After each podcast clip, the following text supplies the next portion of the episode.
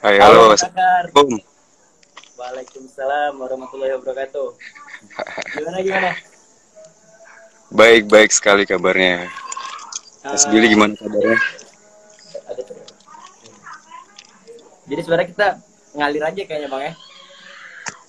Iya dong, boleh, boleh, boleh silakan. Dan kita nggak usah terlalu terpatok sama guide pertanyaan atau semacam lainnya lah.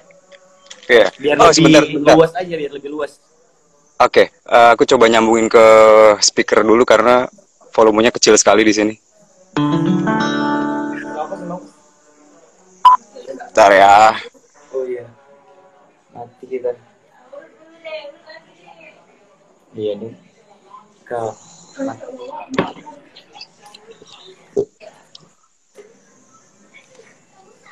Ya,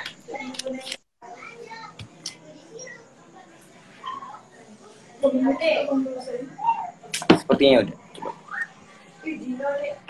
Lancar nggak jaringan di sana mas? gimana? Jaringan di sana lancar nggak? Eh, lancar, lancar. Keren. Jadi, Cuma agak gelap tempatku. Jadi ya, jadi sebenarnya gini mas. Eh, hmm, gimana? yang eh, yang di pamflet apa yang di flyernya kan tentang 50 cerita jeda dulu ambil nafas. Mhm. Nah, itu tuh pengennya kayak apa ya? Banyak banget kawan-kawan tuh yang dia susah banget untuk menceritakan sesuatu hal kepada seseorang gitu. Bahkan biasanya pun dia memiliki orang yang dia percaya sampai pada akhirnya orang yang dia percaya pun bisa membeberkan ceritanya gitu. Nah, sini nih, kita ngajak kayak nge apa ya? Ngajak kawan-kawan tuh kayak mungkin dia bakal nemukan healing lain dengan tulisan gitu. Dengan cara dia menulis, dia bakal nemuin healing yang di mana dia bisa mencurahkan segala bentuk perasaan yang dia simpan karena biasanya eh, orang-orang di era sekarang nih apalagi yang di pemuda-pemuda biasa entah dia kena depresi atau dia kena simptom gejala psikologi lainnya Mhm.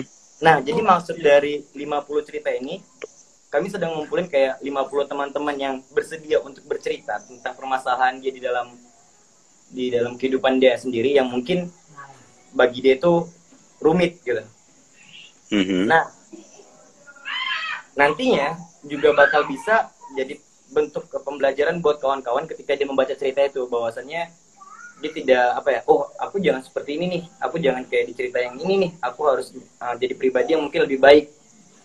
Jadi pengen ngajakin kawan-kawan dengan media menulis kita bisa kayak nyurahin uh, nyurahin segala bentuk perasaan. Jadi tidak selalu dipendam sendiri. Takutnya nanti beberapa gejala psikologi kan timbul. Depresi Yap. dan yang lainnya menarik diri dari sosial nah Hmm. aku tuh pengen banget nih eh, bicara dengan Mas Akar perihal tentang itu atau mungkin Mas Akar mau nih bagi sedikit ceritanya tentang apa sih yang sebenarnya problem yang paling berat sebenarnya dari Mas Akar gitu apa ya eh eh, a- a- kadang aku suka bingung eh, bingungnya sih eh, kayak problem yang menurutnya orang lain itu cukup berat gitu. Misal contohnya ada ada ada satu teman misalkan bilang wah masalahmu berat sekali ya gitu. Tapi di saat yang bersamaan aku nggak nganggap masalah itu berat malah justru.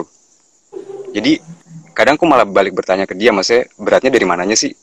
Karena aku yang eh, apa sih aku yang ngalamin menurut aku nggak nggak seberat apa yang kamu jelaskan barusan. Tapi begitu pun sebaliknya ketika aku punya permasalahan yang menurut aku cukup menguras pikiran gitu. Ah, baginya temanku ah enggak itu mah gampang diselesaikannya gitu. Jadi oh apa ya semuanya emang sejauh ini sih aku nikmatin aja sih.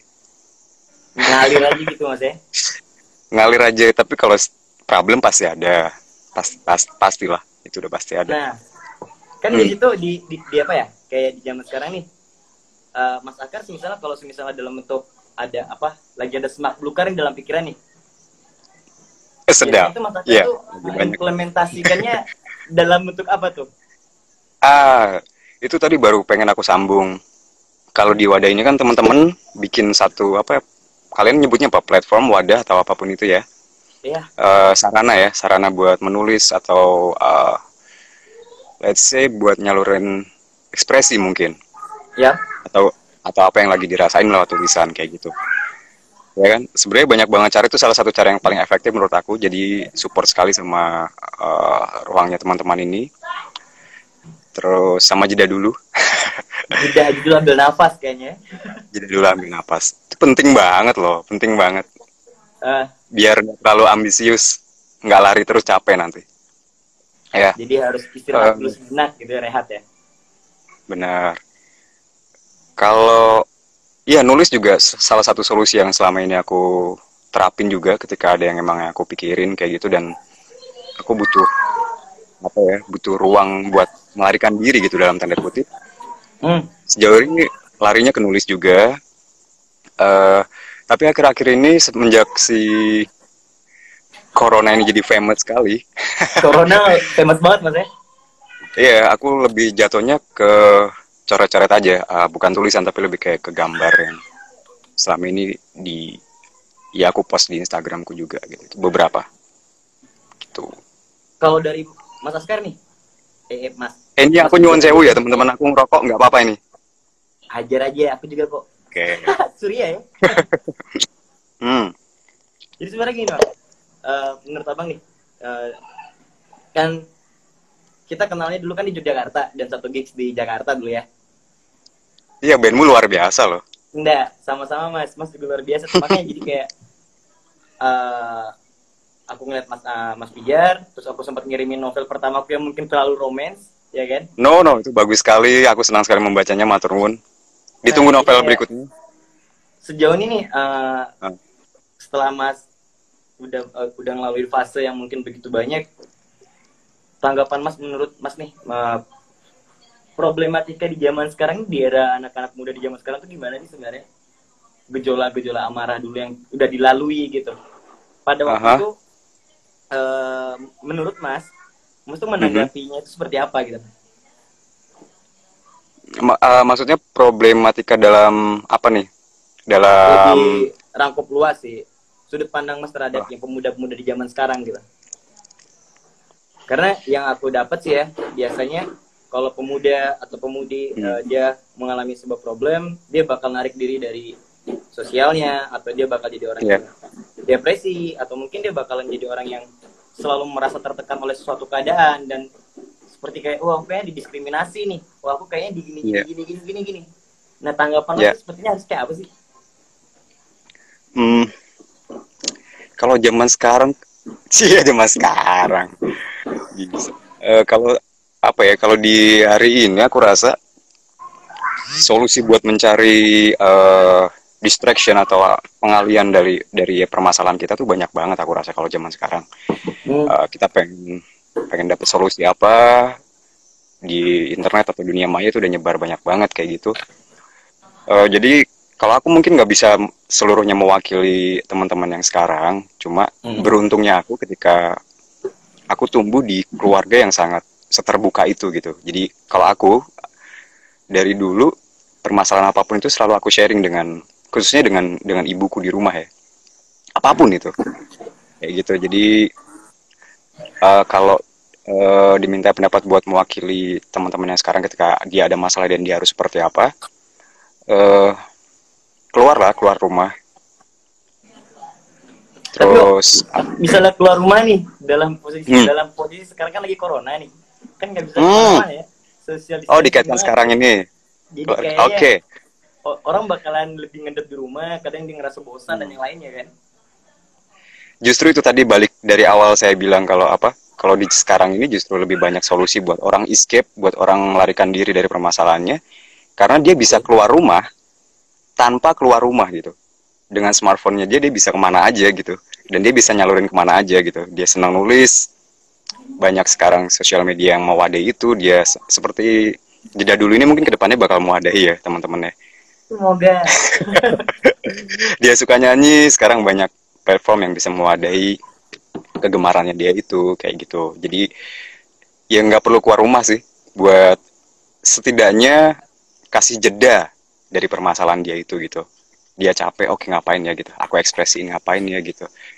Kayak gitu sih kalau kalau sekarang ini ya dikaitkan dengan sekarang kita lagi dapet apa musibah gitu jadi Uh, hmm. dan mungkin juga mungkin ini ya kayak dia bisa mengimplementasikan hal, -hal baru pasti di rumah yang tadi ya mungkin nggak suka nulis jadi suka nulis nggak suka baca jadi suka baca gitu ya exactly benar benar banget jadi benar banget soalnya akhir-akhir ini banyak banget kawan-kawan yang mungkin ada di snapgram kayak lagi masak padahal nggak suka masak ya kan Ih keren loh itu. iya benar sekali. Gitu. Aku setuju banget. Setuju banget. Iya loh. Aku beberapa stories di teman-teman kan pasti aku lihat gitu dan aku lihat banyak sekali perubahan oke okay dari teman-temanku di luar sana yang wih dia sekarang jadi suka berkebun yang tadinya pemalas sekarang jadi lebih rajin jadi, gitu ya? jadi lebih rajin kayak gitu karena ya ya itu mungkin sisi sisi positifnya dan dan banyak lagi sisi positif, uh, positifnya dari corona ini ya kayak kayak kita di restart lagi dan kayak dibalikin lagi. Sebenarnya potensi kita banyak yang mungkin yang selama ini nggak kita gali. Waktu jeda kayak sekarang ini mungkin itu kesempatan kita buat apa sih yang bisa aku bi yang bisa aku lakuin gitu buat ngisi waktu ngisi waktu gitu. Dan hmm. mungkin bisa dengan melahirkan karya kali mas ya? That's itu goal banget kalau itu. Nah nih gini nih. Hmm. Bang Akar kan sekarang udah nggak domisili di Jogja kan mm -hmm. sekarang kayaknya lagi seru-serunya di pantainya Alhamdulillah puji Tuhan. Apa ya? jadi jadi rada ya, jadi sawo matang gimana gitu. Iya. Bis, iya benar-benar. Lebih lebih hitam sekarang kulitnya. Ngeben masih ngeben tapi. Gimana? Ngeben masih. Kebetulan enggak. Uh, tapi uh, di sini tetap uh, kalau buat main gitar atau main musik sedikit-sedikit tetap berjalan sedikit-sedikit. Dan ketika ada teman yang main kalau ada kesempatan buat bantu main bantuin mereka main juga gitu-gitu sih. Aku hmm. sebenarnya sudah ngikuti apa udah buat guide sih udah buat guide pertanyaan. Cuman kayaknya terlalu kaku deh jadi kayaknya ngalir aja kayaknya gitu mas. Boleh boleh. Kalo ternyata kayak gini rasa diwawancara ya. Kan kita bukan diskusi ya kita kan sharing gitu ya kan boleh kalau diskusi kan harus patok satu hal tuh nah, ini mungkin nih dari kawan-kawan ada yang mau nanya nih kali ini mungkin ya. Iya ini sepertinya lumayan banyak ya teman-teman yang sudah bergabung soal malam. Assalamualaikum semuanya. Tidak bisa pada malam mingguan. Benar, di rumah aja malam mingguan ya. Nggak boleh ngumpul rame-rame, tapi kalau berdua pacar boleh kayaknya. boleh, boleh. nah, Bang. Uh, ya dari dari sekian ini kan yang yang kita jelasin tadi tentang perihal jedu tadi untuk 50 50 cerita dari teman-teman. Uh -huh. uh, mungkin dari Mas Ijar ada nggak sih sedikit cerita gitu, sedikit cerita, sedikit aja tentang uh -huh. apa sih gitu problem kecil aja yang pernah Mas uh, alami tapi itu berdampaknya besar banget sama kehidupannya Mas gitu. Kalau Mas berkenan sedikit bercerita ya. Oke, okay. hmm.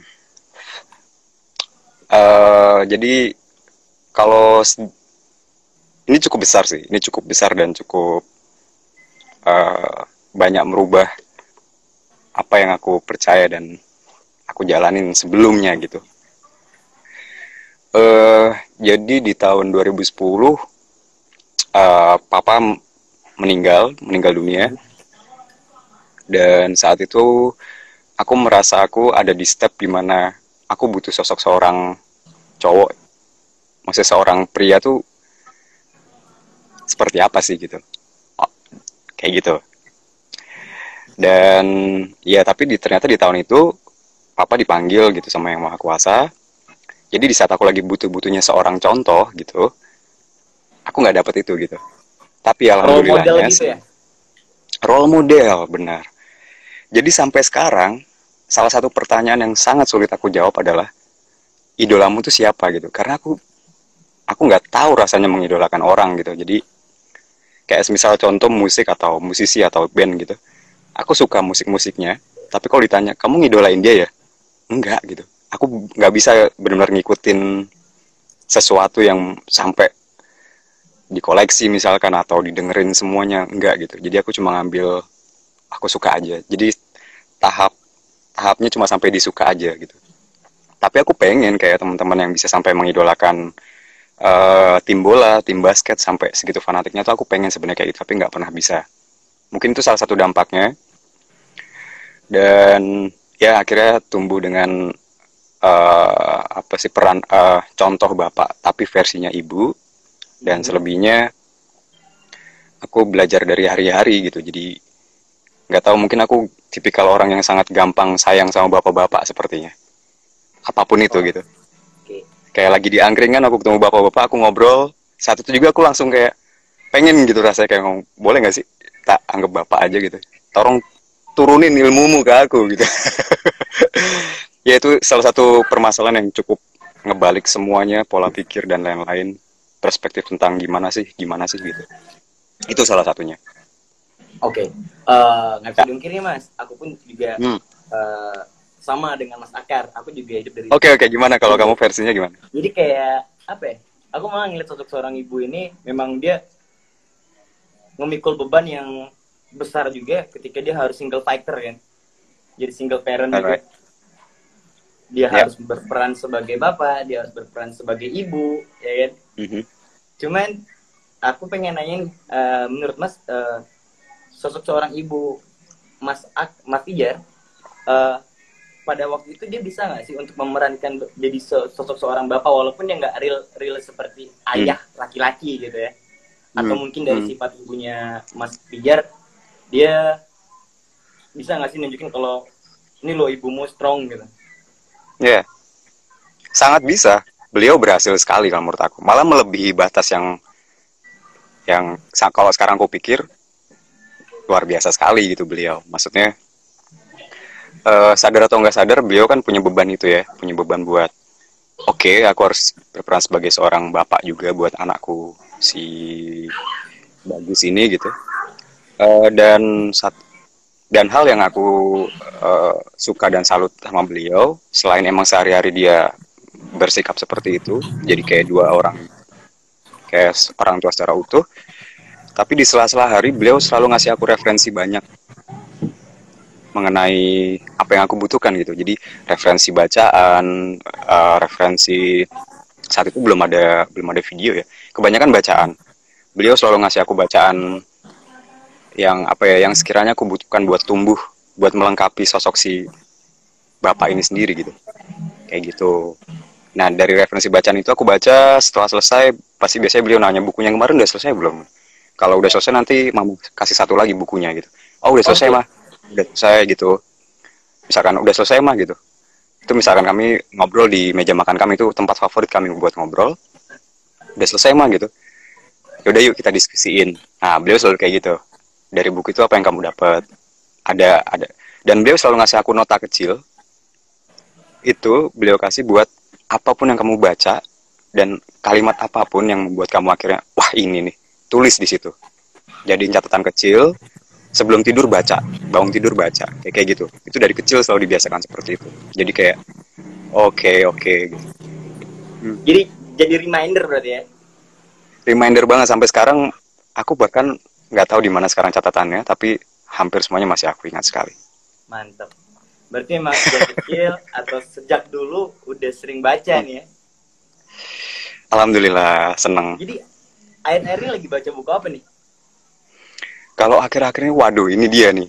Kalau akhir-akhir ini aku lebih baca di apa ya di di lebih online aja bacanya. Karena emang aku nggak nggak nggak prepare bawa buku bacaan ketika move ke pulau ini gitu.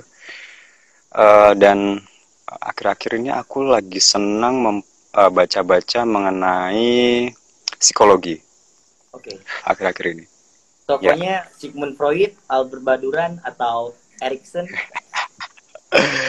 itu dia kelemahanku karena aku bener-bener apa ya nggak uh, nggak bisa bener-bener ngidolain orang jadi okay, kadang okay, buku jadi dikasih buku gitu ya?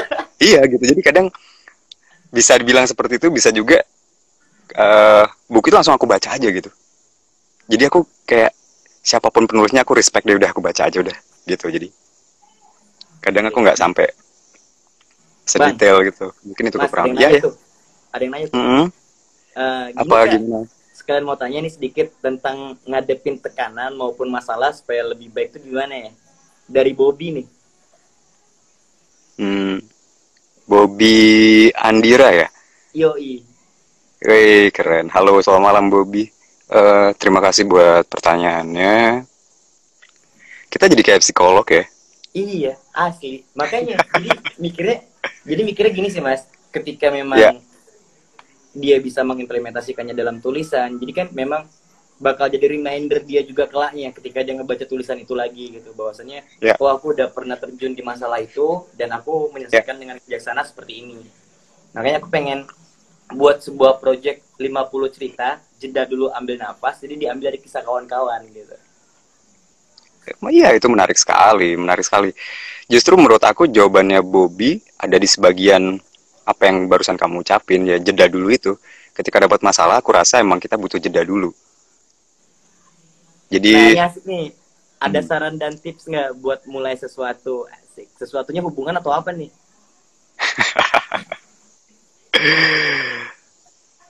asa, oh, jadi yang mana dulu nih yang jawab nih? Yang, Bebas.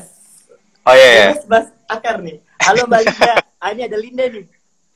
Linda,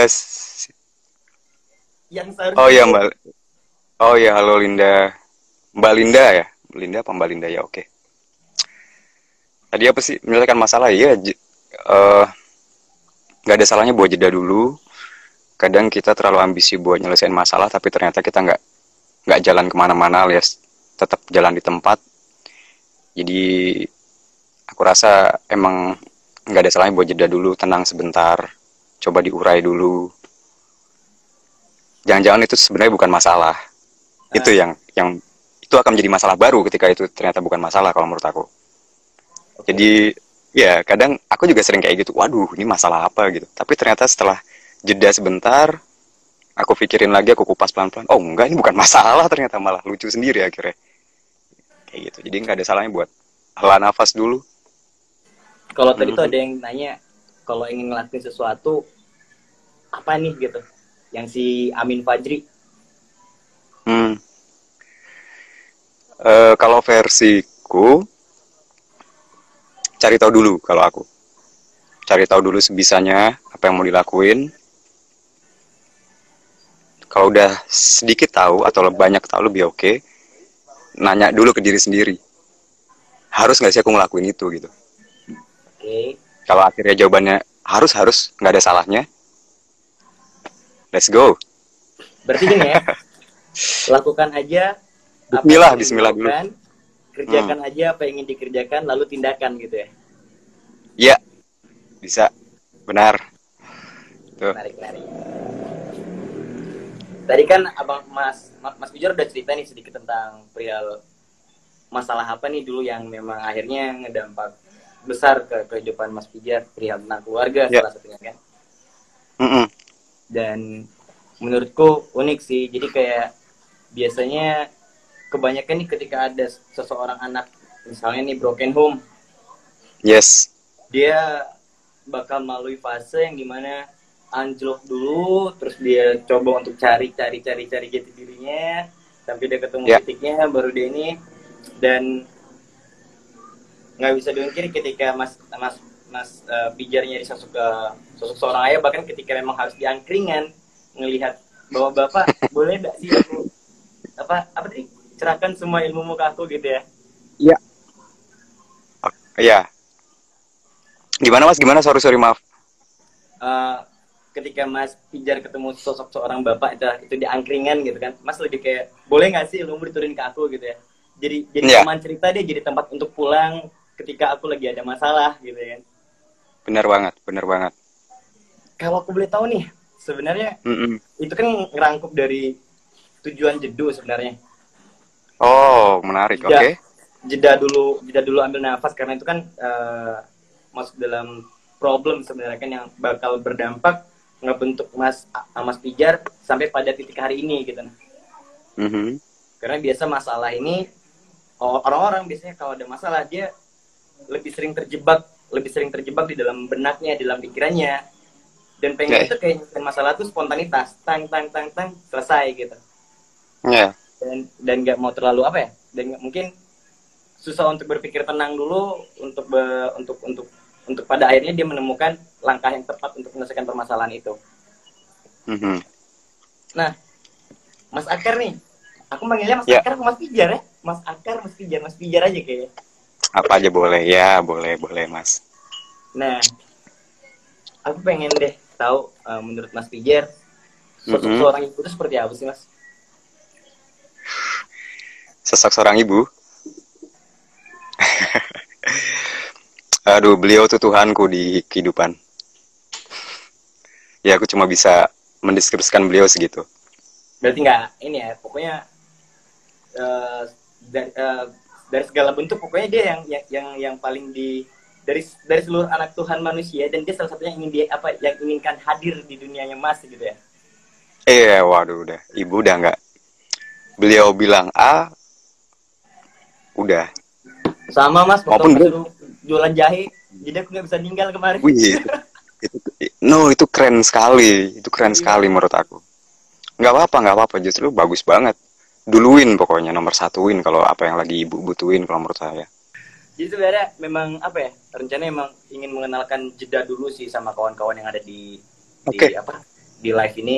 Jadi mungkin kawan-kawan Ya. pengen tahu mungkin eh, pengen lebih tahu tentang jeda dulunya apa ya mungkin bisa follow jeda dulu sih karena di situ kita bakalan jadi ruang buat kawan-kawan untuk bercerita gitu. Hmm.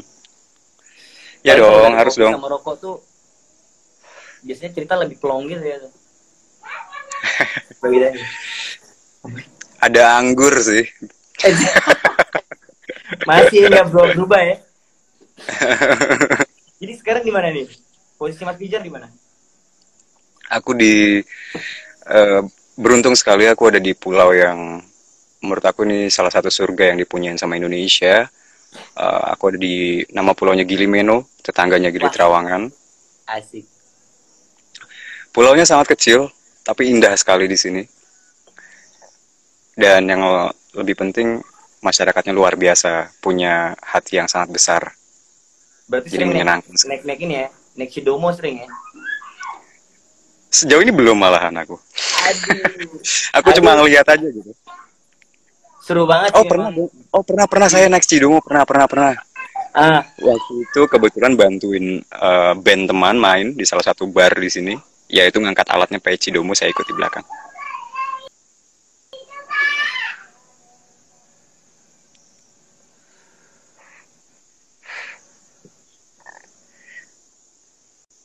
Udah? Oh ya nih. Ada yang nanya nih sepertinya.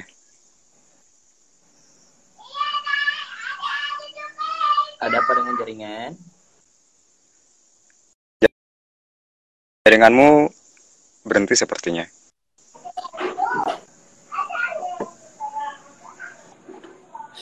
Lagi susah banget jaringan kayaknya mas. Iya. eh videomu macet-macet tapi kalau di aku lancar sih. Oke oke. Eh, mungkin kayak eh Cidomo, Cidomo, Gili Meno, Gili Terawangan, Gili Meno, Gili Air, the best the Yes. best sih memang kalau untuk daerah sana. Iya. Tapi Gilimeno Aku yang paling romantis dong. Ya, aku setuju kayaknya aku bakalan ada deh. Gili- apa kayak eh, Hmm. dulu pernah ke Gili Terawangan beberapa kali. Party, Juga ke apa? party. Mampir ke sama-sama. Oke, nice. Ya, Sama Blue Blue Blue Sky atau Blue Safe apa sih? Sky Blue atau apa sih gitu? iya. Pokoknya Aku malah-. Ya. Mhm. Mungkin kawan-kawan ada yang pengen nanya nggak nih? Tadi ada sih yang nanya tuh kayaknya Mas Raya Suki. Bang, bener nggak kalau nggak kalau mencintai dalam diam itu nggak perlu alasan mati. Mencintai dalam diam. Aku persilakan pakarnya aja deh yang penyiar radio. Aku kalau kalau cinta sama sesuatu atau seseorang, aku selalu bilang sih aku nggak pernah diam-diam. Iya, Itu kalau aku selalu bilang. Bang Akar percaya nggak sih sama konsep be yourself? eh be yourself. eh kalau hmm, menjadi diri sendiri itu justru itu pertanyaan yang sam tapi terima kasih buat pertanyaan ini bagus sekali. Itu pertanyaan yang yang sering kali aku tanyakan ke, diri- ke diriku sendiri gitu. menjadi diri sendiri itu seperti apa gitu bahkan sampai hari ini sepertinya aku belum menemukan jawaban yang benar-benar menurut aku pas mungkin sampai besok di akhir hayatku juga aku belum tahu menjadi diriku sendiri itu seperti apa karena tapi yang aku pikirin cuma menjadi versi terbaik yang aku bisa aja. Cuma itu aja yang aku lakuin. Aku nggak tahu menjadi diriku sendiri itu seperti apa. Terlalu dongeng Aku- seperti diriku ini. Aku kayaknya Mbak Ade ini orang yang kemarin ketemu aku pas acara lagi ngisi di Medan sih mas sebenarnya. oh nice. Jadi dia kema- eh, kemarin kan sempat ada dapat rezeki buat ngisi acara kolektif kecil di Medan. Wah luar Dan dia biasa Memang sempat mempertanyakan perihal tentang be yourself sih. ya Nah cuman kan, ah kalau aku sih ngambil secara psikolog sih mas. Jadi kayak be yourself, eh, jadilah dirimu sendiri ya kan. Berarti bahwa bahwasannya kita menjadi diri kita yang apa adanya gitu. ya Cuman kemarin pernah melontarkan sebuah bentuk pertanyaan kayak, oke deh, misalnya nih kontekstual uh, studi kasusnya kayak gini, Uh, seseorang yang pecandu narkoba dan dia susah banget untuk meninggali untuk meninggali hal itu gitu misalnya. Hmm. Terus dia bertemu dengan seorang perempuan dan dia ingin menikahi perempuan itu, tapi dia susah untuk meninggali meninggali uh, sebe- em, menjadi sebagai pengguna itu dan Hmm. dia harus bertemu dengan keluarga kan ketika dia ingin menikahi kan.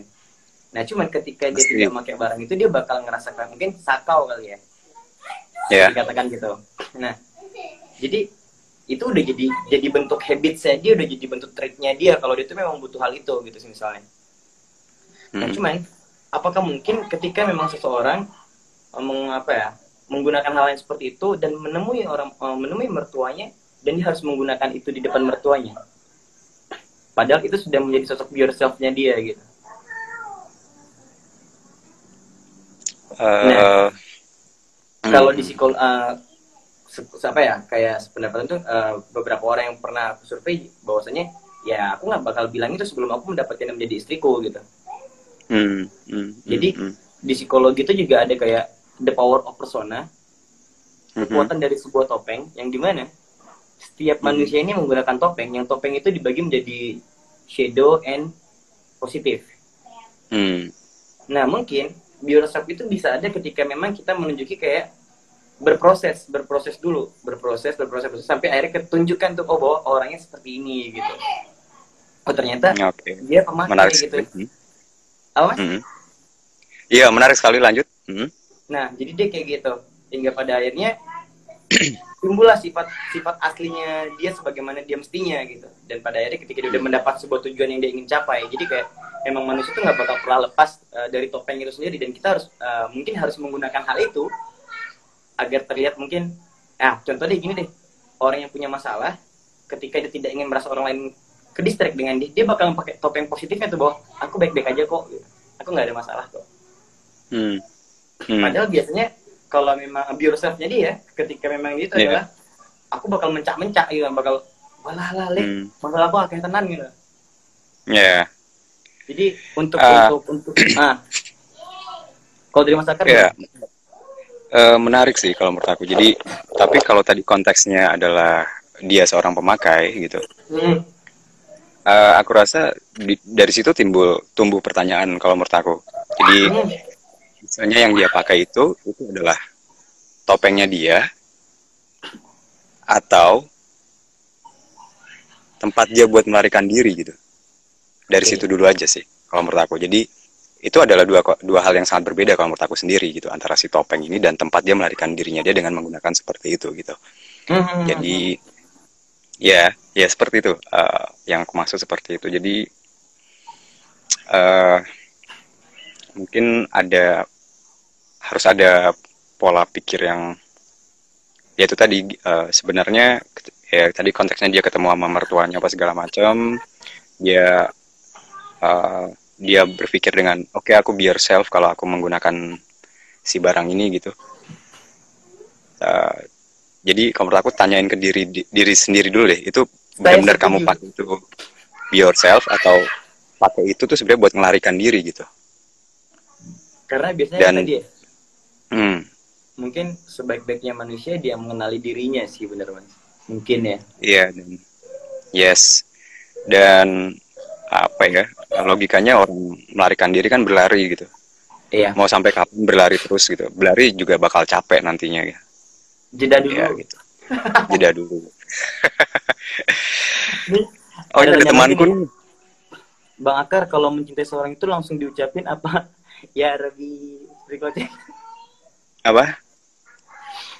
Bang Akar kalau mencintai seorang itu langsung diucapin apa orang itu nggak akan kaget kaget bang. Seperti kalau cewek itu peka dengan kode-kode gimana bang? Mati.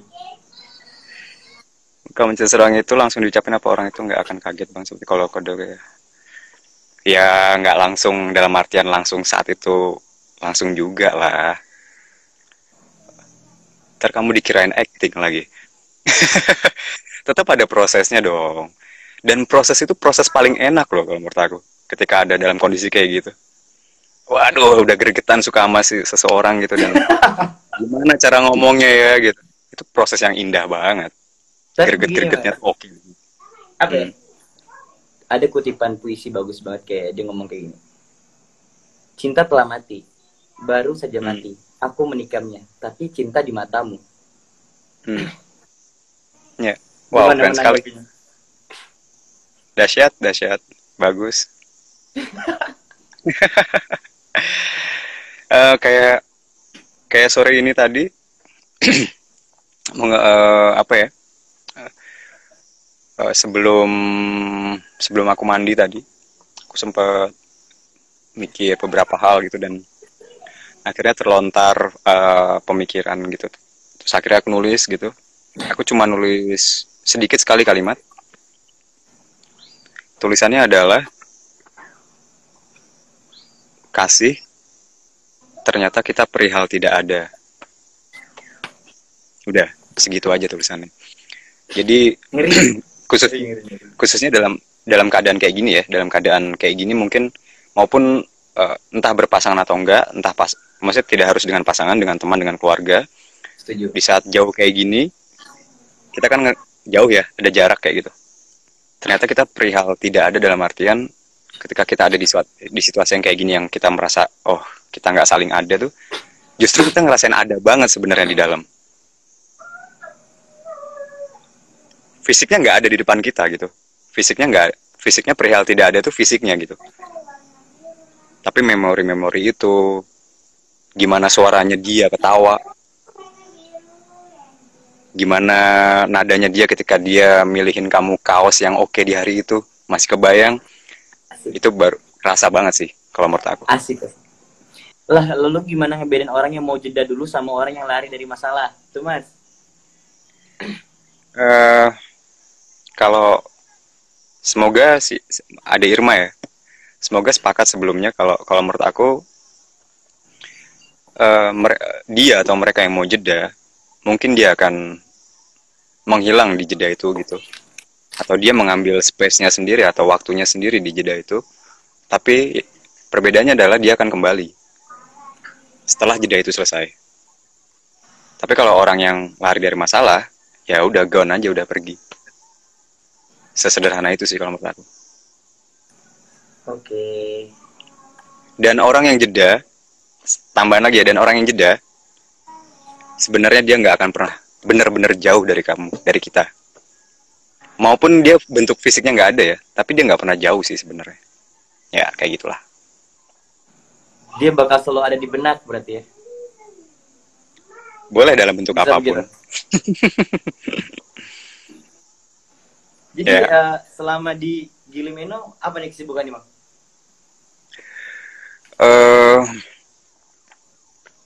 aku nggak pernah sibuk sebenarnya. Eh, jadi ini lagi jeda banget lagi virus kayak gini. Kalau sebelumnya bekerja di sini ya aku bekerja di sini sebelumnya. Eh, kalau sekarang ini aku punya challenge buat diriku sendiri eh, di masa karantina kayak gini. Jadi aku nge-challenge diriku sendiri satu gambar satu hari gitu. Jadi aku harus bisa menyelesaikan satu gambar dalam satu hari. Sekaligus aku mencoba nge-push uh, pikiranku harus aku olah seperti apa sih biar biar bisa keluar ke bentuk gambar gitu. Aku mempelajari diriku sendiri lah intinya seperti itu dengan dengan apa sih dengan media gambar. Kayak gitu terus main ke tetangga yang pasti gabung dengan teman-teman bertukar cerita maupun ceritanya terkadang sama tapi itu tetap menyenangkan sekali karena outputnya tetap berbagi. Menikmati sunset alhamdulillah bagus sekali sunset di sini. Uh, pulang ngopi malam berkumpul lagi. Gitu biasanya. Ini ada dari Raya Suki nih. Bang gimana sih kalau nulis terus pas udah megang penanya hilang apa yang mau ditulis? Sama kayak gini nih lagi pengen nyanyi tiba-tiba kamu udah megang gitar lu bingung mau nyanyiin apa gitu. Hmm. justru banyak kayak gitu tuh. Jadi sebenarnya uh, kalau kayak gitu uh, timbul hal itu tuh kayak upgrade aja upgrade aja terus apa yang ada di benakmu tuh kayak misalnya oh ya aku kalau aku sih ya tipe orang yang nulis itu buat main map dulu main map hmm. uh, terus tokonya siapa nanti permasalahannya seperti apa cara penyelesaian hmm. permasalahannya hmm. seperti apa benang merah semua diambil terus baru aku elap hmm. probing Oke. Okay. Aku probing, aku probing terus probing terus sampai ketemu titik kayak oh ini seru nih kalau dipakaikan kayak gini. Nah, selama elap probing itu ya aku harus keluar, aku harus uh, aku harus uh, sharing sama kawan-kawan, aku harus ngobrol dengan orang lain, aku harus ketemu dengan suasana baru yang mungkin itu bisa menyegarkan pola pikirku atau menyegarkan mm-hmm. batinku sendiri. Nah, di situ tuh nanti kayak bakal bakalan sangat berkurang tuh ketika uh, ketika kamu sudah jadi main map di buku ini jadi kayak oh yeah. aku udah inget oh ternyata aku udah sampai di sini nih jadi ada pengingatmu hmm. yang di mana oh ya kemarin kan aku udah sampai di sini mungkin bisa ditiru untuk buat main map dulu deh kayaknya kayak gitu untuk nanggepin yang si mas ini sih mas, mas uh, Raya Suki ya yeah. semakin keren jawabannya naik turun naik turun nih rame ini ya soal malam juga nih buat teman-teman yang baru gabung nanti aku mm -hmm. someday ketika novel buku yang terbaru keluar judulnya Under Nyawa itu kan dalam bentuk nanti rencananya dalam trilogi nanti sambil ah. dikirim ke Mas Pijar di di jauh di sana. Yes, uh, semoga nggak perlu kirim kita ketemu lah. Ya, Insya Allah. Harus itu. Ketemu di Jogja aja kayaknya mas. Di mana pun boleh. Di mana pun boleh. Hmm. Oh berarti gini, boleh. main ke Sumatera. Ya. Wow itu menyenangkan sekali. Ju uh, jujur uh, salah satu keinginan terbesar sih salah satu keinginan terbesar uh, aku pengen jalan-jalan terus gitu orangnya pengen keliling aja gitu. Habis ini ke mana habis ini ke mana habis ini ke mana karena menyenangkan sekali ternyata. Uh, apa ya perjalanan tuh menyenangkan sekali. Hmm. banyak hal yang dipelajari yang jelas ya benar. Termasuk itu ya apa sih hmm. perjalanan spiritual juga penting sekali uh, dan menyenangkan sekali. Nah mungkin ada yang mau nanya lagi. Sebenarnya itu sudah buat Q&A sih uh, banyak sih yang nanya-nanya aku rubah ke Q&A aja kalian ya. uh, boleh ini Atau ada aku mau nanya boleh kayak, uh, dari Nisan ada pendapat tentang overthinking mengendalikan perasaan dan kaitannya dengan menjadi dewasa. Hayo lo bang, kayaknya menarik tuh. Overthink, overthinking? Yep. Uh, kait dan kaitannya dengan apa tadi? Dengan dewasa? Iya, dengan menjadi dewasa. Hmm. Kalau aku rasa itu dua hal yang sebenarnya sedikit berbeda sih maksudnya uh, orang yang yang yang mungkin kita anggap dewasa pun dia tetap berpeluang buat overthinking aku rasa jadi itu bisa terjadi di siapa aja sih overthinking tuh dari mulai anak kecil sampai setua apa pun itu overthinking aku rasa tetap berlaku buat siapa aja dan sangat memungkinkan terjadi buat siapa aja. Mungkin kalau dewasa mungkin penyikapannya kali ya mungkin ya. Ketika overthinking itu datang penyikapannya seperti apa? Mungkin orang yang dibilang belum dewasa mungkin ketika overthinking datang dia jadi kebingungan nggak tahu harus ngapain buntu dan lain-lain mungkin. Kayak gitu. Oke kita lanjut lagi ada pertanyaan lagi nih sebenarnya nih proses pencarian jati diri itu seperti apa sih gitu. oh, iya. hmm. Uh, kebetulan di hal ini aku rasa kita sama kita sama-sama masih saling mencari aku rasa jadi Mari kita cari jawabannya bersama-sama. emang apa ya orang penyiar emang paling jago kalau kayak gitu ya Eh enggak, that's true story. Enggak, enggak. Pis, benar benar Iya. Iya, kita masih sa jadi sebenarnya nyari lah. eh, banyak banget nih kayak aku kan sempat Q&A eh, buka tanya-tanya di Instagram tadi ada yang nanya Oke. tentang eh si mana ya yang paling enak aja deh Eh, bagaimana sih kak cara menenangkan diri dari setiap permasalahan Menenangkan diri. Ngeteh atau terserah, ngeteh atau ngopi sama ibumu. Tenang itu deh. setuju setuju Hmm. duduk di meja makan cerita aja pelong Ya. kayaknya. aku pernah kalau mas Shortcut kalau itu. mas Pijar ini ya apa eh, Hmm. catatan kecil kan kalau misalnya eh, yang ibu tinggalkan di mas Pijar itu catatan kecil tuh Ya. kalau aku beliau pernah ngomongin ini apa pun yang ingin kau lakukan dalam posisi apa pun keadaanmu Hmm. taruh foto yang orang kamu sayang di dompetmu Ya. beliau cuma bilang ya akhirnya ada dua orang sih yang aku taruh ya terutama ibu dan adik Hmm. jadi emang selalu bakal ke bawah sih beliau dua Oke.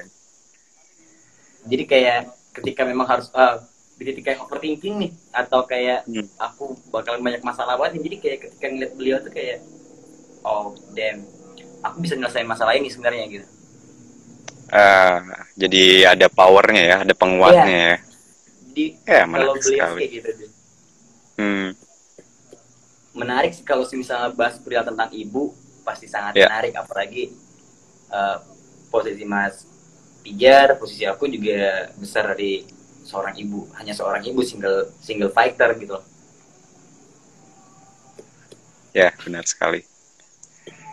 sosok ibu ini mulia Aduh. sekali kayaknya mas ya Iya, udah. Ya itu tadi kalau bagi aku ya dia Tuhanku di di kehidupan ini. Dia udah udah nggak bisa aku lawan-lawan. kita kayaknya sampai jam 9 nih mas 10 10 menit lagi kita selesaiin aja kayaknya ya Boleh, boleh. Aku ngikut aja. Tapi sebelumnya aku berterima kasih banget udah diajakin ngobrol kayak gini terus menyenangkan sekali ngobrol dengan kamu dan tegur sapa dengan teman-teman di sini yang mungkin kita belum pernah ketemu tapi sangat menyenangkan sekali. Terima kasih buat semua pertanyaannya. Semoga berjalan dengan Aku- baik ya. ah Iya, semoga berjalan dengan baik si jeda dulu ini dan banyak ngasih manfaat buat teman-teman juga.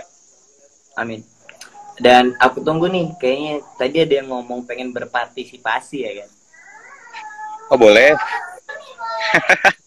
boleh Jadi, boleh sekali. Mungkin Mas Pijar berkenan untuk membagi ceritanya eh, dua lembar kayak perihal tentang eh, apa sih yang udah di apa sih yang terjadi yang nantinya bakal kita bisa jadiin bentuk PDF atau buku kalau memang misalnya ingin dirahasiakan namanya kita rahasiakan. Oke, Eh, ntar aku di itu aja di briefing aja ya, maksudnya seperti apa-apanya detailnya maksudnya. Ntar di DM Iya. aku di briefing aja. Ini semakin banyak keluar masuk keluar masuk kayaknya. Iya, seru. Mungkin Nggak nggak nggak kerasa loh satu jam setengah kita ngobrol. Iya, sampai kehabisan pertanyaan nih. iya. Oh kalau aku aku boleh nanya nggak? Boleh mas, monggo. Kalau eh, kalau aku apa ya? Kenapa waktu itu kepikiran eh, menghubungiku gitu buat? Aku penasaran dengan itu sih. Oke. Kenapa aku berpikir mungkin nggak bisa diungkiri ya kalau pertemuan kita waktu itu tuh di Jakarta dan itu sangat singkat kan mas. Singkat sekali. Dan kenapa juga aku mempercayai waktu itu untuk memberikan novelku kepada Mas Akar dan langsung nganter ke Geronimo pada waktu itu ya kan. Aku nggak tahu, aku nggak bisa nggak bisa ngomong mungkin karena bukan orang suka bertele-tele mungkin kayak lebih kayak gini nih. Aku ngeliat kayak sebenarnya eh, dengan penampilan Mas eh, orang ini punya satu sisi yang di mana kayaknya dia beda nih dari orang lain gitu. Ah, perbedaan itu tuh yang mungkin aku rangkumkan adalah eh, misalnya nih Hmm. aku ngelahirin uh, ngelahir, misalnya ngelahirin novel romance nih kayak kemarin kesan orang atas tulisan itu pasti ber- banyak banget kan bang? Banyak banget bentuk bentuk bentuk itu banyak sekali gitu nah Mhm. apalagi kemarin ada endorsement dari Bu Sito Resmi Prabuningrat kan? Jadi Iya. ditekan banget uh, kayak uh, aku ngerasa kayak pada saat itu Mas Akar ini punya punya sisi yang di mana bakal menghargai karyaku gitu. Karena yang bakal Mas nilai itu bukan lagi dengan perihal tulisanku setidaknya aku berani untuk melahirkan karyaku gitu nah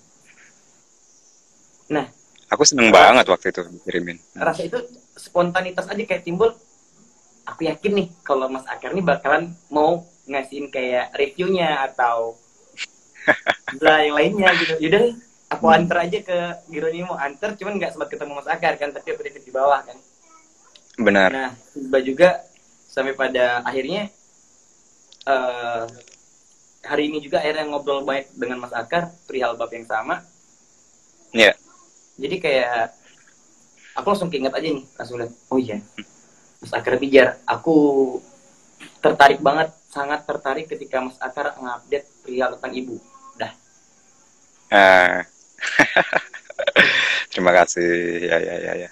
Hmm. ketika Mas masih di Jawa itu ya masih stay di Jawa Hmm. sebelum cabut dari eh, sana aku ngerasa Mhm. kayak wah eh, begitu sayangnya Mas Akar kepada sosok seorang ibu. Dan sebagaimana mungkin aku juga yang hidup dari single parent dan ngerasain hal yang sama mungkin ngerasain hal yang sama gitu. Jadi Hmm. banyak uh, hal-hal eksidental yang terjadi yang buat aku tuh oh ya kenapa nggak Mas Akar aja ya? Kadang ada rasa takut. Rasa takut itu adalah yakin nggak ya Mas Mas Pijar mau? Ah itu kadang timbul tuh. Ah Hmm. coba dulu deh Hmm. karena kayak ngerasa eh kayak nggak pantas dia ngomongin Mas Mas Pijar gitu. Ada ada titik-titik kayak gitu tuh ada ada kayak sampai pada akhirnya ternyata memang stigma yang kemarin-kemarin dan memang dari awal kali Hmm. pertemuan di Jakarta dengan Mas Rambut Gondong dengan main gitarnya itu kan. Acara haru di Jakarta acara pekan raya Indonesia. Eh, udah hilang tuh kayak oh ternyata Mas Akar nih lebih dari apa yang apa yang kau perkira. Perihal tentang bagaimana cara dia ngobrol, bagaimana cara dia memberikan sebuah statement dan biasanya Eh. aku punya berpikiran kayak gini sih bang, bahwasanya anak yang lahir broken home atau anak yang lahir dari maaf nih yatim atau piatu atau yatim piatu Hmm. dia selalu Mhm. dia dipaksa oleh keadaan untuk menjadi untuk menjadi anak yang lebih mandiri untuk Ya. menjadi- untuk untuk dipa- eh, dipaksa oleh keadaan loh kau dari umur segini sudah harus bisa begini nih kau dari umur segini sudah harus bisa begini nih gitu dan kita dipaksa Mhm. untuk berpikir hal-hal yang seperti itu yang mungkin waktu di zaman SMP atau SMA tuh kayak wah nggak mungkin aku bisa nyelesain itu Hmm. tapi selalu Iya. selalu selesai nah itu sih yang buat aku kayak udah deh coba Mas Akar ada ada ada keseruan-keseruan yang mungkin tidak terduga nih ketika aku ngobrol langsung Ya, ya, ya, ya. Ya, terima kasih sekali dan ya, yang pasti aku bakal nungguin sih karyamu berikutnya. Apa pun itu. Dan selagi sedikit apa yang bisa aku lakuin, berkabar aja. Insya Allah aku lakuin. Seperti itu. terima kasih banget nih ternyata tadi pas Sama-sama. yang pertama kita bisa sampai yang keluar masuk sekitar 200 orang lumayan 150-an berapa gitu kan Alhamdulillah. Kayaknya- Terima kasih buat teman-teman yang gabung pokoknya. iya ya pun kayaknya masih ada yang keluar masuk keluar masuk juga nih karena Hmm. artis-artis yang lain kan live tuh Ya, ya, ya, ya. Jadi kayak Hmm. aku sumpah dari mungkin mewakili dari Jedu ya jadi ngucapin Hmm. kayak makasih banget buat Mas uh, Mas Pijar atas waktunya atau Sami-sami. aku bisa bisa uh, jadi kolega Mas dalam project gitu atau Dengan senang hati. apalah karena dalam dekat ini Mau uh, banget. insya Allah, Mhm. insya Allah gini nih Mas dalam dekat ini aku juga bakal ada penggarapan web series Oh, menarik sekali. Mhm. Hmm. Mungkin aku bisa minta saran dari Mas, aku kirim skripnya ke Mas untuk membacanya. Dan judulnya adalah Mengejar Rasa Dalam Cerita. Wow. Nanti Oke. dia ada hidup hidup di dalam mimpi. Mungkin dia bakal bakal ada fata morgana, ada ada sentuhan sosial, ada sentuhan romansnya yang bakal dikontemplasi gitu sih. Wow, I can wait. Mas, jangan sudah kenal aku ya. Apa? Jangan jera kenal sama aku. Oh no, no. Dengan senang hati justru komunikasi terus. Keep in touch pokoknya ke depannya. Dan Kalau butuh apa-apa di sana berkabar-kabar. Insya Allah kita kita yang di sini bisa bantu dari sini.